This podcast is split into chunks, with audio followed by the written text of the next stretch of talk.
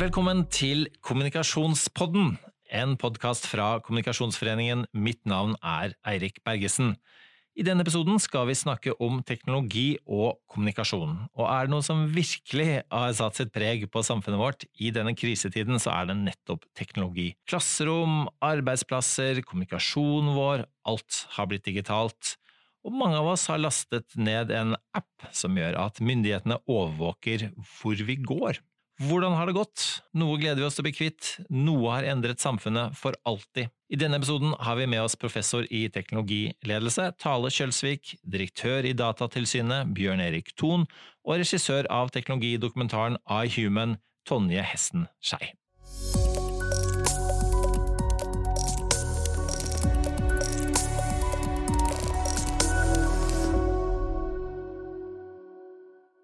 Velkommen i studio, Tale Kjølsvik. Du har doktorgraden i strategi fra BI, du jobber som professor i teknologiledelse ved Institutt for informasjonsteknologi ved Oslo OsloMet, og du er prodekan for forskning ved Fakultetet for teknologi, kunst og design. Nå kan du si eh, takk. Takk, det var det jeg bare tenkte helt utrolig at du klarte å komme gjennom det på en bra måte. Veldig bra. Og grunnen til at jeg sier alt det der, ikke bare fordi du faktisk eh, har alle disse vervene og har vært gjennom alt det der, men det posisjonerer jo deg perfekt til å snakke om eh, dagens tema, som er teknologi og kommunikasjon. Hvordan føles det å være sånn som sannhetsvitne for hvordan går det, hvordan går det ikke med teknologi om dagen? Jeg tror jeg må smake litt på den. Jeg føler det er relativt vanskelig nå. Og folk kaller jo den tilstanden vi er i nå, for den nye normalen. Det kan du bare drite i. Hvorfor det? Nei, jeg tror ikke vi skal tilbake til det vi opplever som normalt. Jeg tror vi må litt til, tilbake til framtiden, kanskje, heller. Ja, fordi, eh, fordi, nå har jo ting endra seg veldig. Og du er jo posisjonert sånn at du har fått med deg dette her med, med all tydelighet fra, eh, fra Oslo OsloMet. Du sitter jo også i tillegg, det kunne jeg også ha sagt, for arbeidsgruppen for digitaliseringsstrategi, en ny, i universitets- og høyskolesektoren som Kunnskapsdepartementet har. Har vært innom de allerede i krisen og snakket, eh, snakket til de om disse tingene her. Eh, altså, altså, det vi har vært gjennom, hva, hva, hvordan vil du beskrive det? Altså For det første så er det en krise. Så det er liksom en helt sånn spesiell situasjon. Jeg tror man skal ha med seg det. Og så denne koronakrisen, det er jo ikke det samme som digitalisering. Altså det har blitt til at vi kan bruke digitale verktøy til å løse alle oppgavene vi har i samfunnet. Hvis ikke vi hadde hatt de verktøyene, så er det utrolig mange ting vi ikke kunne gjort, og det tror jeg mange glemmer. Eh, så de tenker på en måte at vi setter et likhetstegn mellom det vi har vært igjennom nå, og det digitalisering har å by på. Det, egentlig så har digitalisering veldig mye å by på, men man skal bruke det når det er verdiskapende, ikke bare for at det er et digitalt verktøy. Og Når du sier verdiskapende, hva mener du med det? Nei, Jeg mener at man skal løse de oppgavene man skal løse på smarte måter, bedre måter. Um, så man skal på en måte ikke drive med digitalisering for digitaliseringens skyld, det har vi snakket om veldig lenge. Nå har det kommet en, en, måte en situasjon hvor digitale verktøy har vært til hjelp, det har hjulpet oss å liksom få samfunnet til å gå rundt, så det har på en måte vist den verdiskapende evnen det har. Nå er vi kommet til en stadie hvor, eh, hvor en del folk begynner å bli ganske lei. Altså, vi ser på arbeidshverdagen vår og våkner opp om morgenen og skjønner at vi må gå fra soverommet inn på kjøkkenet og så inn på et eller annet arbeidskontor på kjøkkenet eller på et eller annet sånt hvor du har det, hvor du har satt opp PC-en din, og så må du sitte foran den skjermen sammenhengende til klokken fem på ettermiddagen. Du kan til og med unngå å gå ut av soverommet i det hele tatt. Ja. Du kan jo i realiteten eh, orkestrere både forelesninger og delta på forelesninger fra senga. Ja, og det har jeg hørt folk som har sett. Altså, det er folk som sitter i senga her i forelesning. Jeg husker jeg så en sånn reportasje med en dame fra videregående hvor liksom gutta lå i bar overkropp i senga og var på skolen. Um, ja, så Det blir veldig monotont, og så legger vi ikke inn pauser. Vi får ikke godt, altså Man får løpt og hente seg en kaffe. Uh, jeg tenker at det er ekstremt funksjonelt og effektivt. Men det er noen ting som forsvinner liksom, når det gjelder det relasjonelle og hvordan vi samhandler. Så hva slags type løsning vi får til, tror jeg liksom, det, er, det er effektivt. Jeg syns vi har fått til veldig mye på, på kort tid. Og vi har måttet gjøre det. Altså, det er vel, du, du, er inne på dette med at noen digitaliserer for å digitalisere, for å sjekke det av på et eller annet eh, dokument. Eh, og så er det dette med at man må digitalisere for å i hvert fall virke som om man prøver å redde liv. da. Eh, men man, man, rekker ikke Man har ikke rukket Du underviser jo et fag som heter digital transformasjon. Jeg regner med at det er noe som er, vanligvis tar ganske lang tid, og er ganske planlagt. Mm. Og det har det ikke vært nå. Nei, og det, ikke sant? Det, disse studentene, jeg tror vi har hatt ca. 60 studenter gjennom dette emnet nå, eh, som har jobbet med digitaliseringsprosjekter i offentlig sektor og i privat sektor. Og det som, på en måte, det som går opp for dem ganske kjapt, er at det handler jo ofte om ikke om teknologien, det handler om folka. Nå har vi fått et sånt ekstremt på måte, spark på å bare komme i gang med dette her. Um, men det har, har, ikke vært en, ideell prosess på noen måter. Eh, det har vært en, måte, en krisedigitalisering, og det gjør jo at man, sånn som hos oss, så er det utrolig mange ting vi har gjort som ikke er varig. Så det, er, det, er, det har ikke vært en investering i digitale verktøy. Vært, eller en investering i digitale data, innhold og sånn. Det er på en måte nesten sånn dugg for solen.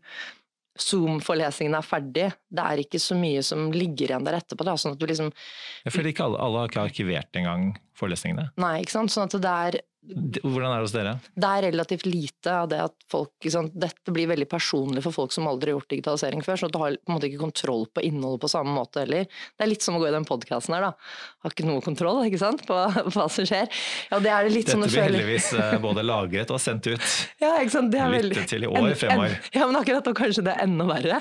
Eh, nei, for, og sånn oppleves det for mange at sant, plutselig så er det noen som skal liksom se hva de gjør. og Det, det virker jo veldig sånn eh, truende og skummelt. Um, og det gjør at mange ikke lagrer og ikke på en måte tar vare på det. Det betyr at man går inn i neste semester eh, uten, uten masse ting vi allerede har gjort. Vi begynner egentlig på mange områder på nytt.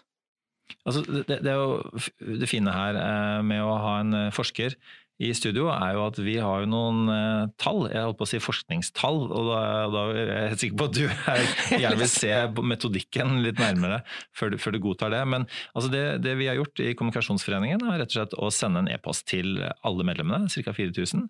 Eh, og eh, om ca. 600 har svart på, på hvordan deres nye arbeidshverdag er. La meg bare få lov til å lese opp de viktigste tallene her. altså over åtte av ti tror de vil bruke mer hjemmekontor fremover. Ni av ti tror de vil bruke mer videomøter fremover. Over syv av ti eh, tror de vil reise mindre i jobben, og seks av ti tror de vil delta mer på digitale kursarrangementer. Viser ikke dette at, at, man, eh, at ting er i ferd med å endre seg av mer varig karakter? Det, jeg tror det.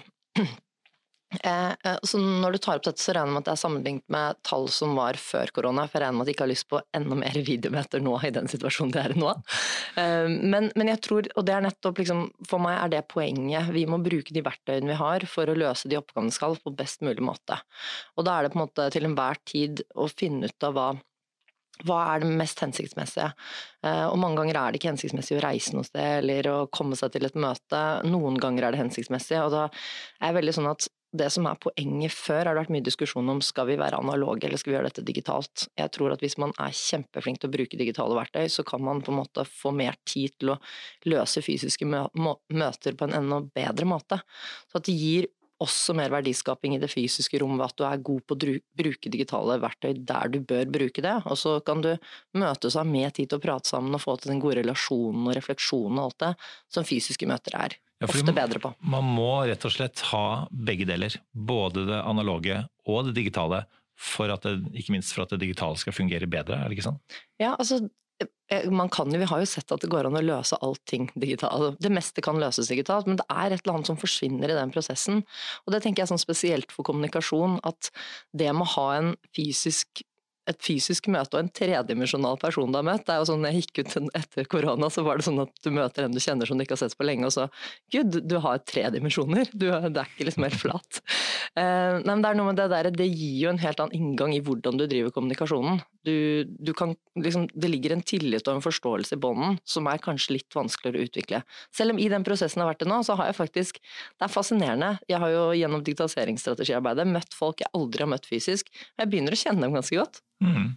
Og, og, og, du, eh, vi møttes for første gang eh, digitalt eh, på, på Facebook, da, vi, da, jeg tok kontakt for å få deg med på det her. Men nå møtes vi jo direkte. og Det er klart at det, det å ha møtt noen, og det å vite at du skal møte de seinere, er, er, vel noe av, noe av, poenget for at det digitale innimellom der skal, skal funke? Ja, jeg er helt enig. Ehm, jeg syns det, det, er vanskelig å generalisere. Jeg tror man, Det er litt avhengig av kontekst og hvem, hvilke andre folk du har rundt deg som kjenner den personen. Det er liksom mange andre ting. Men en ting som jeg i hvert fall har opplevd i løpet av de siste ukene, er at vi skjerpet oss innmari i begynnelsen. Og så liksom, Da gjorde vi alt, vi alt godvilja til. Etter hvert som du står i det ganske lenge, så er det lett for at måte, små konflikter og mail, bisetninger i mail, sånne ting, det, folk reagerer veldig annerledes på det fordi de også begynner å bli slitne. Og da er det lett for at liksom, konfliktnivået kan bli liksom fort litt høyere, man misforstår hverandre litt. Man har ikke sett noen nå på eh, mange uker. Eh, så over tid tror jeg at det der å få møtes litt og liksom få avklart de der litt vanskeligere tingene, det, det er liksom, Da er det fysiske møtet eh, veldig mye bedre. Ja, for det viser seg til og med, dette var BBC Worklife som videreformidlet, at man blir sliten av videomøter nettopp fordi at man får ikke tolket signalene til folk. Nei, liksom todimensjonale signaler er litt ja. annerledes enn tredimensjonale. Og så tenk på disse masse av de, altså de, som jobber som forelesere, jeg liker nesten ikke ordet forelesere lenger, kanskje pedagoger vi kan kalle det isteden, som, som driver med undervisning. De sitter ofte med en skjerm med hoder hvor ikke folk har på kamera, for liksom anbefalt ikke å ha på kamera. Så sitter egentlig og ser inn i en svart skjerm, så er det ingenting å tolke. Eh, så jeg har holdt innlegg nå hvor det er, sant, jeg ser min egen presentasjon, og så hører jeg av og til at folk brøler latter. og da tenker du liksom ok, det er i hvert fall noen ting på andre siden der. Men i mellomtiden så snakker du liksom til en svart vegg litt, da. Og det tar jo bort veldig mye av kommunikasjonen. Tale, når alt dette her er sagt, så til høsten så er det et nytt semester for dere, det er et nytt semester i arbeidslivet, og det er en uh, lang sommer hvor man skal rekke å reflektere og analysere litt. Hvordan, hvordan vil, vil, dette se ut rundt neste sving? Så jeg kan begynne bare å si bitte litt om Oslo OsloMet først. Så vi er jo underlagt mange regler når det gjelder tilgang til campus, og det er fortsatt ting som er helt uklare. Det som er at jeg tror vi må gjøre en del investeringer nå. Vi må jobbe med å tenke litt annerledes rundt det. Ofte så når jeg har vært ute og snakket rundt dette, her, så har jeg snakket om digitalisering som, som litt forskjellige ting. Og én ting er liksom dig digisering. Det betyr å gjøre ting som er analogt digitalt. Eh, og det har vi gjort nå. Det har vi vært eh, gode på i den fasen her. Vi har fått ting ut digitalt. Det som liksom gjelder nå framover, er jo liksom det transformative. Og det er jeg ganske opptatt av hvordan er det vi kan bruke disse digitale virkemidlene, sånn som den undersøkelsen viser. altså disse tingene til å faktisk eh, skape verdier og gjøre ting på smarte måter. Varige endringer. Varige endringer, og da må vi tenke transformativt. Da. Så fra å ha liksom digisering, så er det mer over at vi prøver å tenke liksom digital transformasjon. Hvordan kommer dette til å endre vår sektor og andre sektorer? Og det tror jeg vi kommer til å se ganske betydelig. Vi har fått testa ut nye plattformer, verktøy og masse sånn i alle mulige typer arbeidsoppgaver. Eh, og liksom hva er det som er det skikkelig transformative? Hvordan ser det ut? Hva slags nye forretningsmodeller er det vi får får opp nå. Hva slags oppstartsselskaper er det som kaster seg på? Det er litt dårlig tilgang til kapital og marked akkurat nå. Men, men det, det, er liksom varige endringene i samfunnet mer transformative, og dit har vi ikke kommet ennå. Jeg tror det begynner å synke inn hos folk. for Jeg ser liksom den fatigen, den litt sånn utslitte eh, holdningen til digitale verktøy, og, og, og, selvfølgelig situasjonen står i. Men, og det henger litt sammen med at folk, det begynner å gå opp for folk at dette er varig, og det kommer til å være endring som kommer til å være varig litt lenger enn neste semester også og det er kanskje det som er tilbake til fremtiden. For Faren er vel at, eh, at man tenker at det blir deilig å bli ferdig med dette viruset og bli ferdig med team, Teams og Zoom. Eh, men det skal vi ikke ha, vi skal være bedre versjoner av Teams og Zoom og, og kunne møtes samtidig.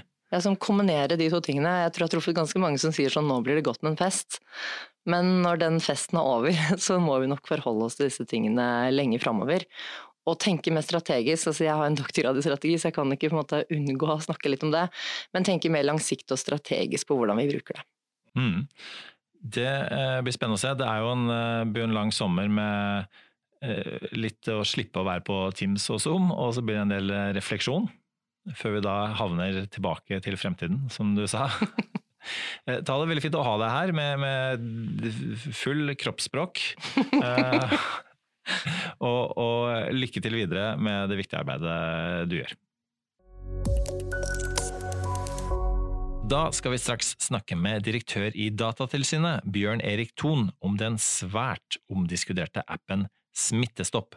Og kanskje får vi svaret på om direktøren selv har lastet ned appen. Men først dette. Samfunnsviterne jobber for at medlemmene deres skal ha et godt arbeidsliv. Gunn Elisabeth Myhren, du er generalsekretær i Samfunnsviterne.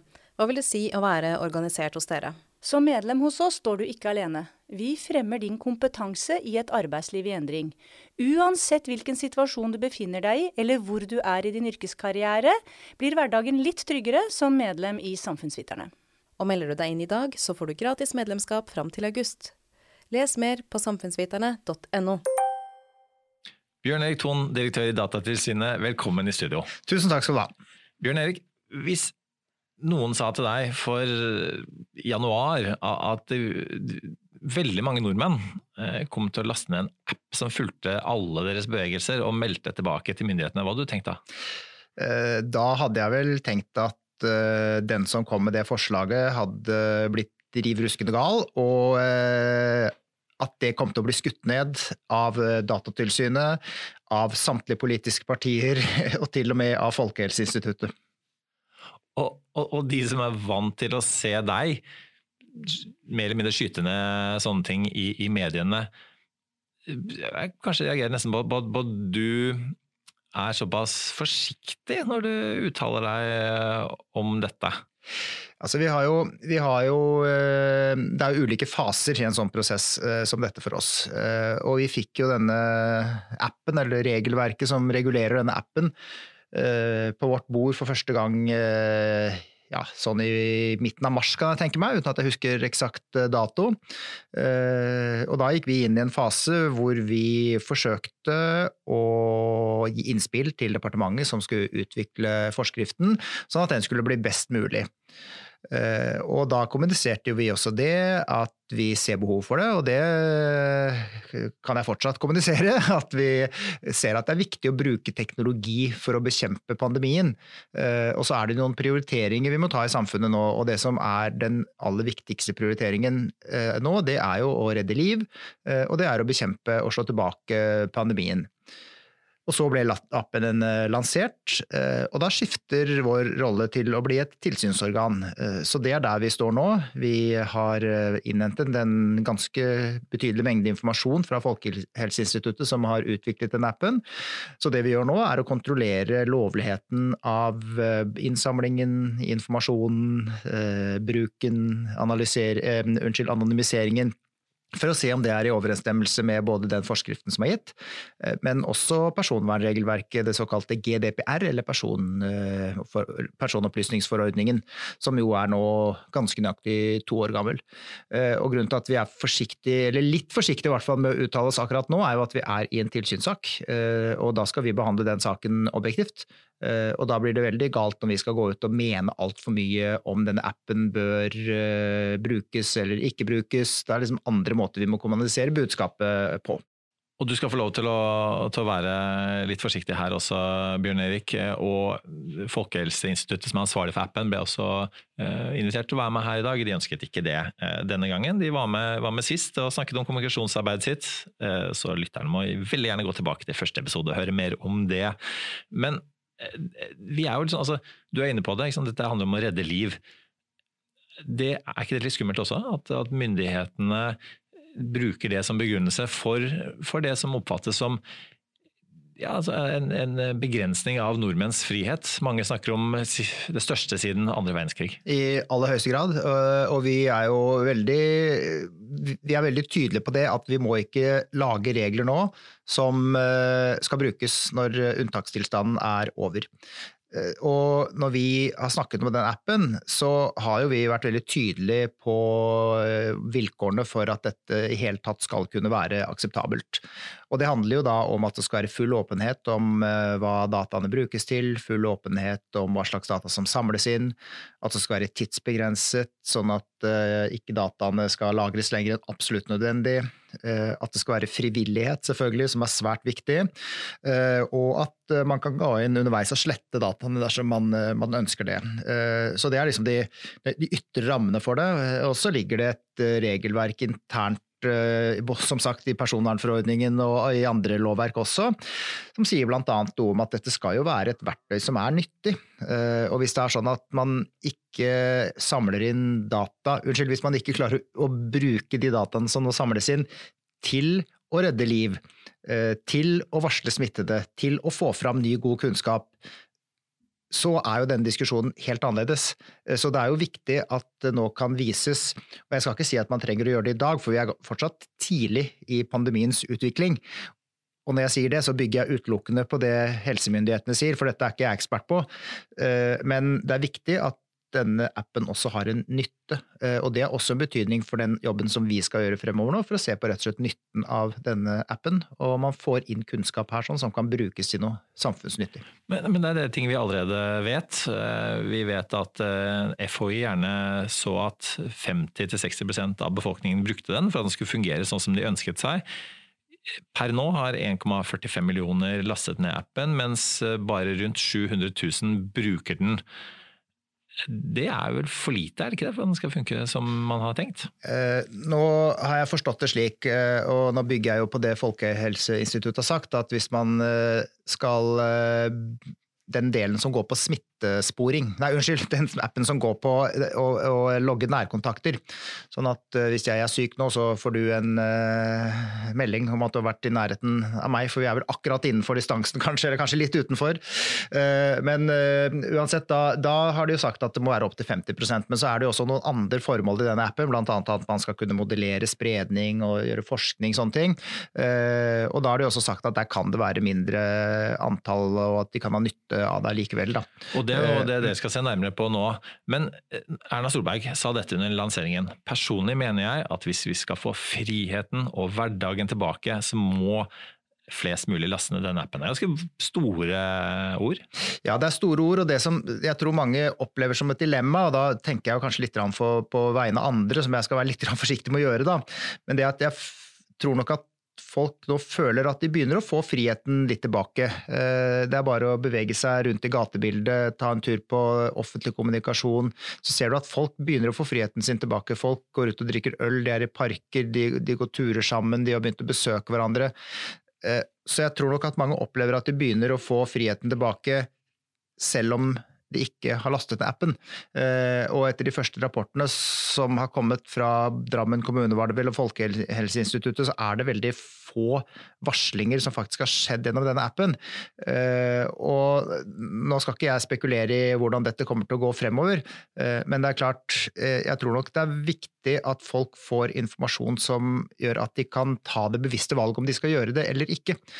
Og det har jo vært et mantra fra oss i hele denne diskusjonen som har vært at eh, det må være frivillighet, og det må gis god informasjon. Folk må være helt tindrende klart for folk hva de laster ned, hva dataene brukes til, at de kan slette den osv. Det er liksom helt vesentlig for dette. Og det er det heldigvis ingen øh, uenighet om. Nå husker jeg ikke om statsminister Solberg sa det når appen ble lansert, men det kan det godt hende at hun har gjort, og det har i hvert fall Folkehelseinstituttet Bent Høie har sagt. Alle har sagt det. Og, og, og, mange av disse har også vært veldig åpne på at alt dette skjer veldig fort. Vi har hatt kriselover osv. Så, videre, så man, man, man, sier samtidig som man lanserer de bruker masse tid på å snakke om alle begrensningene, eh, alle utfordringene som ligger der, eh, og, og, hvor skummelt det faktisk er demokratisk. Det er man ganske åpne på. Men eh, folk er samtidig veldig myndighetstro. Man er, man er, veldig opptatt av å Det er jo ganske store tall tross alt på de som faktisk har lastet ned og bruker det. Altså, er vi hva tenker du som, som driver overvåker myndighetene på det der, er, er vi blitt litt for myndighetstro nesten?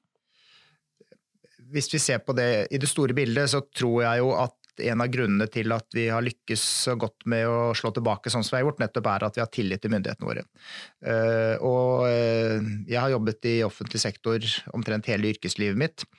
Eh, og opplever jo akkurat det samme, at man har tillit til myndighetene i Norge. Og det er jaggu meg en styrke, altså.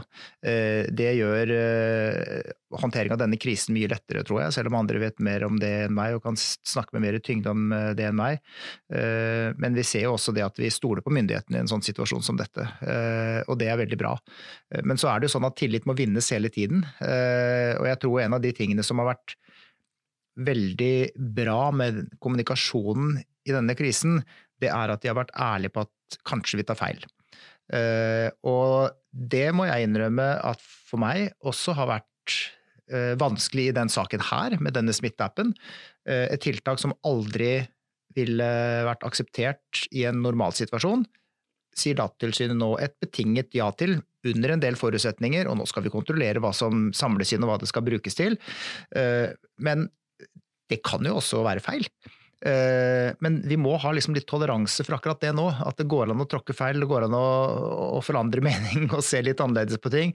Og der syns jeg at eh, helsemyndighetene sånn i stort har vært et forbilde. Jeg syns de har vært veldig flinke til det. Og jeg så jo også Folkehelseinstituttet gikk ut Eh, for det var, kom et opprop om denne appen i dag som jeg bare fikk lest raskt gjennom.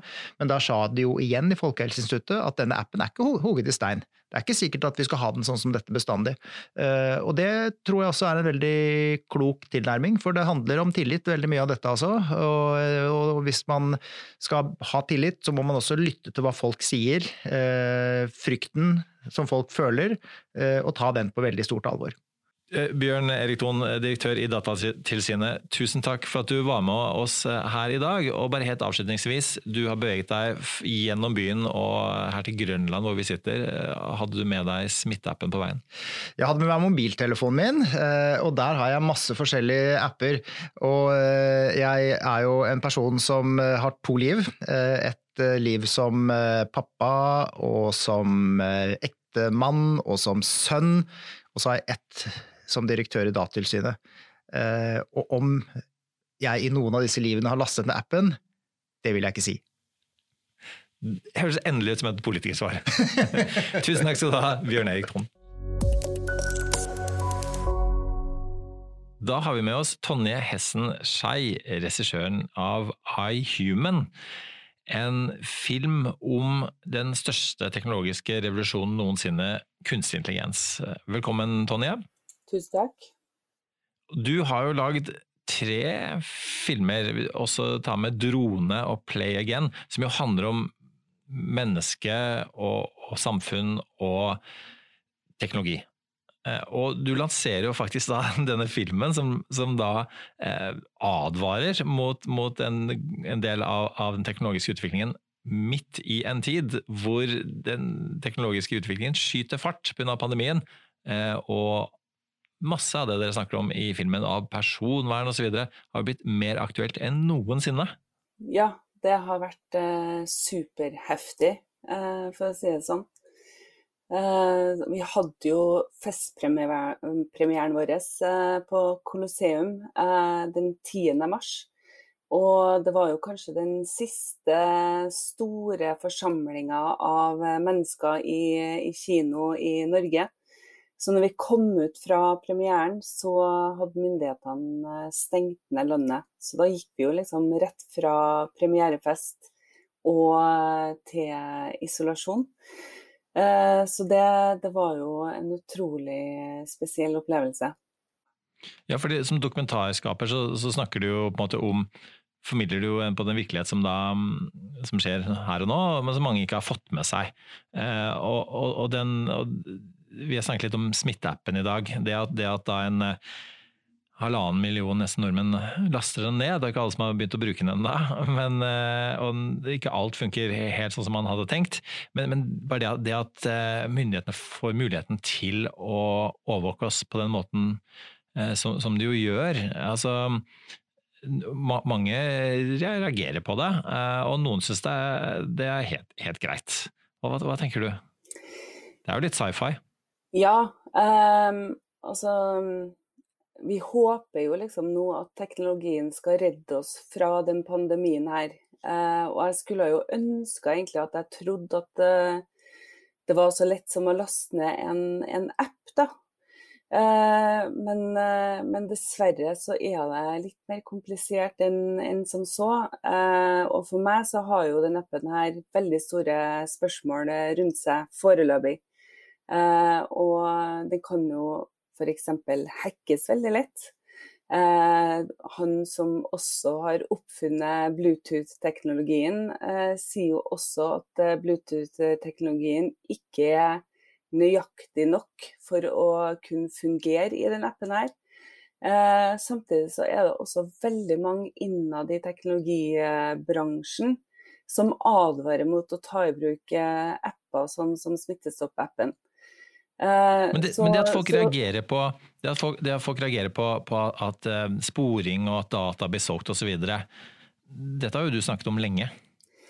Ja, altså jeg må jo si at, at jeg jo nesten eh, Altså jeg har jo blitt veldig bekymra over at politikere nå kommer ut og sier at de er sjokkert og overraska over at det her skjer. For da lurer jeg litt på hvor, hvor er det de har vært i det, det siste tiåret. Eh, for altså alt vi gjør og, og altså Vi har jo liksom blitt mer og mer avhengig av intelligente maskiner som hører det vi sier gjennom mikrofoner og ser det vi gjør gjennom kameraene våre. Eh, og telefonene våre blir jo spora konstant.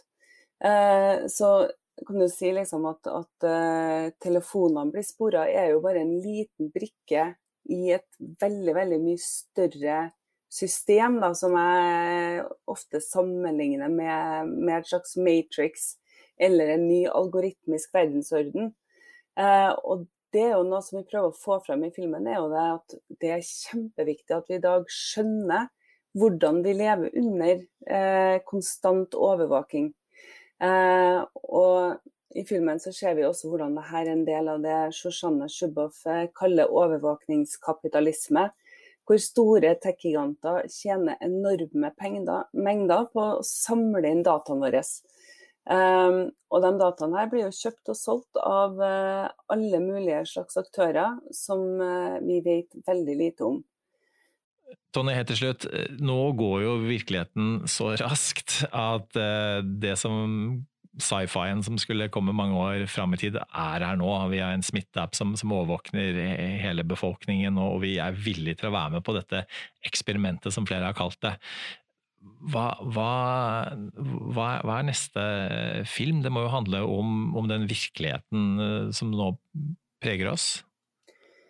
Altså kan du si eh, Det som jeg syns har vært ordentlig skummelt å være vitne til med hvordan vi nå prøver i litt sånn panikk å bekjempe den pandemien her, er jo hvordan vi tyr til mer og mer autoritære Eh, metoder for å, å bekjempe covid-19. Eh, og det er jo klart, liksom, hvis du ser eh, tilbake i historien, så muliggjør kriser som vi er midt oppi nå, at myndighetene kan gjøre raske tiltak som vi ikke kanskje ser de langsiktige konsekvensene av. Og i lanseringa av Human så har vi vært så heldige å få med oss eh, Edward Snowden eh, i samtaler rundt filmen. Og han advarer jo veldig nå i forhold til det vi ser eh, av autoritære styre, eh, styremåter. Og også hvordan myndighetene bygger opp si, arkitekturer for overvåkning, og hvor vi gir opp eh, rettigheter som personvern. Og det han sier, og det som er farlig med det her, det er jo også at krisene vi er i nå, er jo veldig kortsiktige. Men når vi først begynner å gi opp eh, rettigheter som personvern, så kan de strukturene som er bygd opp rundt det her, bli permanent.